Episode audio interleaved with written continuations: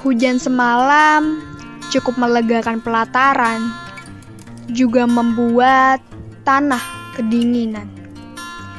Air berlarian mencari tempat perlindungan. Awan perlahan menjauh dari harapan. Air yang terjatuh dari dedaunan sejatinya tak pernah hilang.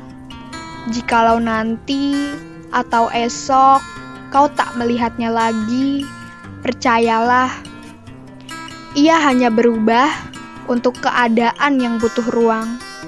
Tapi ia tetap ada bersama Nurani dan tidak mati. Rintik hujan memercikan sejuta perasaan tersembunyi. Jiwanya hanyut, terbawa genangan yang terus mencari jalannya. Mengarungi kenyataan yang mengatakan ia harus pergi, menemukan alur baru di antara bongkahan kenangan lamanya. Air yang mengalir tak pernah mengeluhkan rindunya, tetap mengikuti keyakinan diri meski rumit dihadapi.